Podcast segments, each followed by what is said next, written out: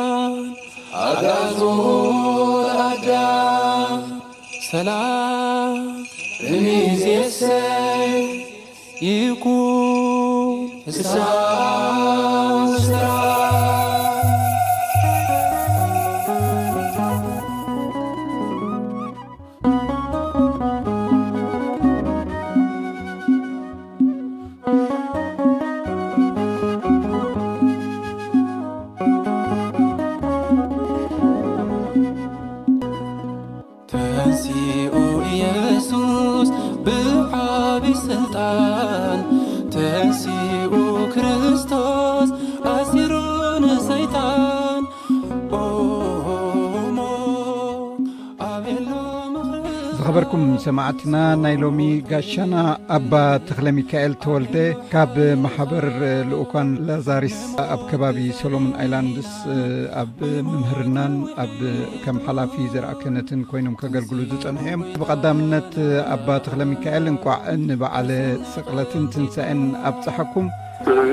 ትንሳኤ ከምኡውን ስቕለት እንታይ እዩ ንምንታይ እዩ ካብ በዓላት ክርስትና ምስቶም ዓበይቲ በዓላት ዝቁፅር ንቀኒለይ ንመጀመርያ ንኩላቶም ኣመንቲ ክርስትና ብሩክ በዓለ ትንሳኤ ይግበረልና ይብል ብሩኽ ሓላፊ ይግበረልና ትሩፋት ሕማማትን ጎይታና ንኹልና የካፍለና ኢለ ሰናይ ትምኒተይ ዛሬ ገሊጸ ብርግጽ ስቅለትን ወይ ከኣ ሕማማትን ሞትን ትንሳኤን ናይ ጎይታና የሱስ ክርስቶስ እቱ ዓንዲ ሕቆ ናይ እምነት ክርስትና እዩ ንሕና ክርስትያን ኣብቲ ዝሞተን ዝተሰቅለን ክርስቶስ እንኣምን ከምቲ ቅዱስ ጳውሎስ ዝብሎ እቲ ናይ እሁድ ዕሽነት ንኣረማውያን ከኣ ከምኡ እንታይ ኮይኑ ዝስማዕ ንዓና ግን ንሕና ንሕና ክርስትያን ግን ነቲ ዝተሰቅለን ዝሞተን ክርስቶስ ኢና ነበስር ይብል ስለዚ ክርስትና ኣብቲ ምእንታና ዝሞተን ዝተቀብረን ዝተንስእን ክርስቶስ ምእማን እዩ እሞ ከኣ ኣብ ሳልሳይ መዓልቲ ከኣ ዝተንስእን ስለዚ ካብቶም ዓበይቲ በዓላት ጥራሕ ዘይኮነስ እቲ ዝዓበ በዓል ናይ ክርስትና ከምዚ ሰንበት ዝዓበት መዓልቲ ናይ ሰሙን እትበሃል ትንሳኤ ከኣ ዝዓበት መዓልቲ ናይ ዓመት እያ ብፍላይ ንሕና ተኸተልቲ ናይ ስርዓተ ምስራቃዊ ስለ ዝኾንና ምስራቃውያን ዝዓበ በዓልና ትንሳኤ እዩ ምኽንያቱ ብትንሳኤ እዩ ስዕረት ናይ ሞትን ናይ ሓጢኣትን ዝተረጋገጸ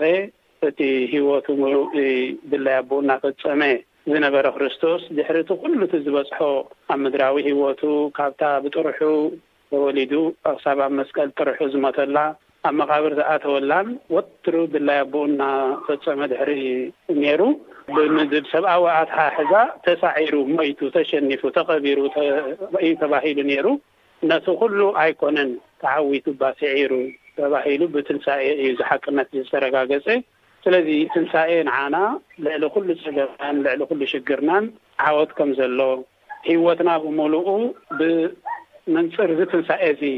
ከም እንነብሮ ዘረጋግጸልና እቲ ዝዓበየ ተስፋናን እምነትናን ስለዝኾነ በዓለ ትንሳኤ እቲ ዝዓበ በዓል ናይ ክርስትና እዩ። ሕራይ ኣባ ተክለሚካኤል ኣከባብራ ስቅለትን ትንሳኤን ኣብ ኣመንቲ ክርስትና ማለት ኣብ ዝተፈላለዩ ሃገራትን ሃይማኖታትን ከመይ ይመስል? እወ ብመሰረቱ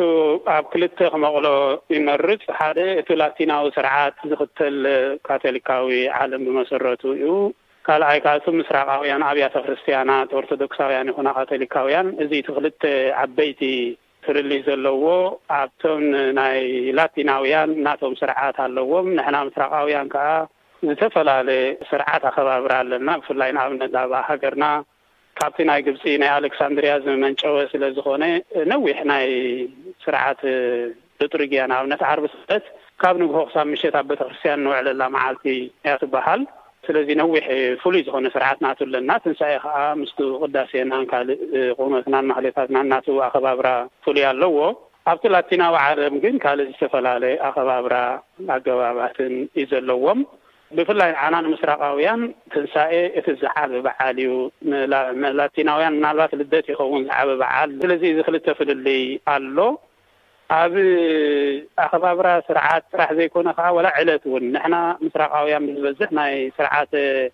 ጁልያን ካላንደር ተባሂሉ ዝጽዋዕ እዚ ናይ ጁልያን መርሓ ዕለት እንኽተል ስለ ዝኾንና ካልእ ኣቖጻጽራ እዩ ዘለና። እቶም ላቲናውያን ግን እዚ ግረጎርያን ዝበሃል በዚ ቅዱስ ግረጎርዮስ ዝተቐየረ ማለት ዝተሓደሰ ካልእ ኣቖጻጽራ ስለ ዘለዎም ስለዚ እቲ ኣቆጻጽራ ናይ ዓመተ ምህረት በበይኑ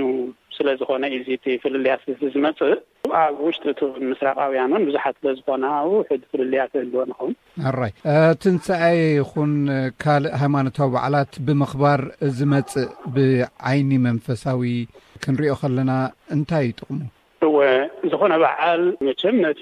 ትርጉም ናይቲ በዓል ነቲ ኣማኒ ወይ ከኣ እቲ ዕላማን እቲ ትርጉምን ናይቲ በዓል ነቲ ኣማኒ ኣብ ምግንዛብ ወይ ኣብ ምምሃር ወይ ኣብ ምብርባር ኣብ ምስታፍ እዚ እንድቲ ዕላምኡ ብፍላይ ንዓና ንኣመንቲ ክርስትና ትንሳኤ ክነብዕል እንከለና ናይ ብሓቂ ዓወት ኣብ ልዕሊ ሞት ዓወት ኣብ ልዕሊ ሓጢኣት መጨረሻ ቃል ናይ ህይወትና ህይወት እዩ መጨረሻ ቃል ናይ ህይወትና ትንሳኤ እዩ ኢልና ናይ ብሓቂ ብዝበለጸ እምነትና ዝውልዓሉ ብዝበለጸ እምነትና እንሕድሰሉ እዩ ከምቲ ንኣብነት እቶም ቀዳሞት ክርስትያን ብዓርቢ ስቕለት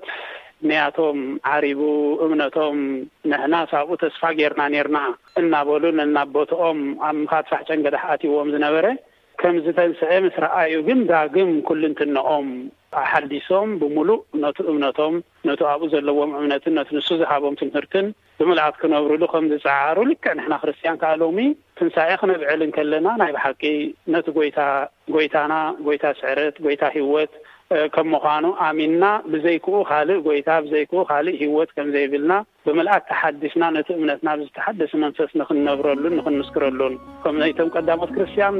ድሕሪ ትንሳኤ ጐይታና ኣብ ግብሪ ሃዋርያት ከም እንረኽቦ ካልእ ፍጥረት እዮም ኰይኖም። ብእምነቶም ይኹን ብርክባቶም ብፍቕሮም ይኹን ዘለዎም ብምውፋይ ንዝገንዘቦም ኣብ ኢድ ሃዋርያት ብምውፋይ ንዅሉ ከከምቲ ኣድላይነቱ ይተዓደል ኣብ ምባል ይኹን ነዚ ክርስቶስ እዚ ነዚ ዓወት እዚ ነዚ ትንሳኤ እዚ ንኸበስሩ ንዝዀነ ይኹን ስደት ይኹን ዋላ ጸገም ይኹን ከይተሓልኩ ኣዝዮም ብእኡ ተወኒኖም ብእኡ ተሰሊቦም ወናማት መስከርቲ ናቱ ክኾኑ ከም ዝጸዓሩ ሎሚ እውን ንሕና ኣመንቲ በዓለ ትንሳኤ ክነብዕል እንከለና ናይ ብሓቂ እዚ ስዕረት ናይ ጎይታ ኣሚንናስ ኣብ ህይወትናን ኣብ ጉዕዘናን መብራህቲ ናይ ህይወትና ሓይሊ ናይ እምነትና ኮይኑ ምእንቲ ክመርሓና ኣብኡ ክንሳተፍ እምነትና ክነሐድስ ናይ ብሓቂ ብዝተሓደሰ መንፈስ ደጊምና ነቲ ጠሊብናዮ ዝጸናሕና ደኺምናዮ ዝጸናሕና ኣበራቢርናስ ብዝተሓደሰ መንፈስ ኣብ ጎደና ህይወት ኣብ ጎደና ድሕነት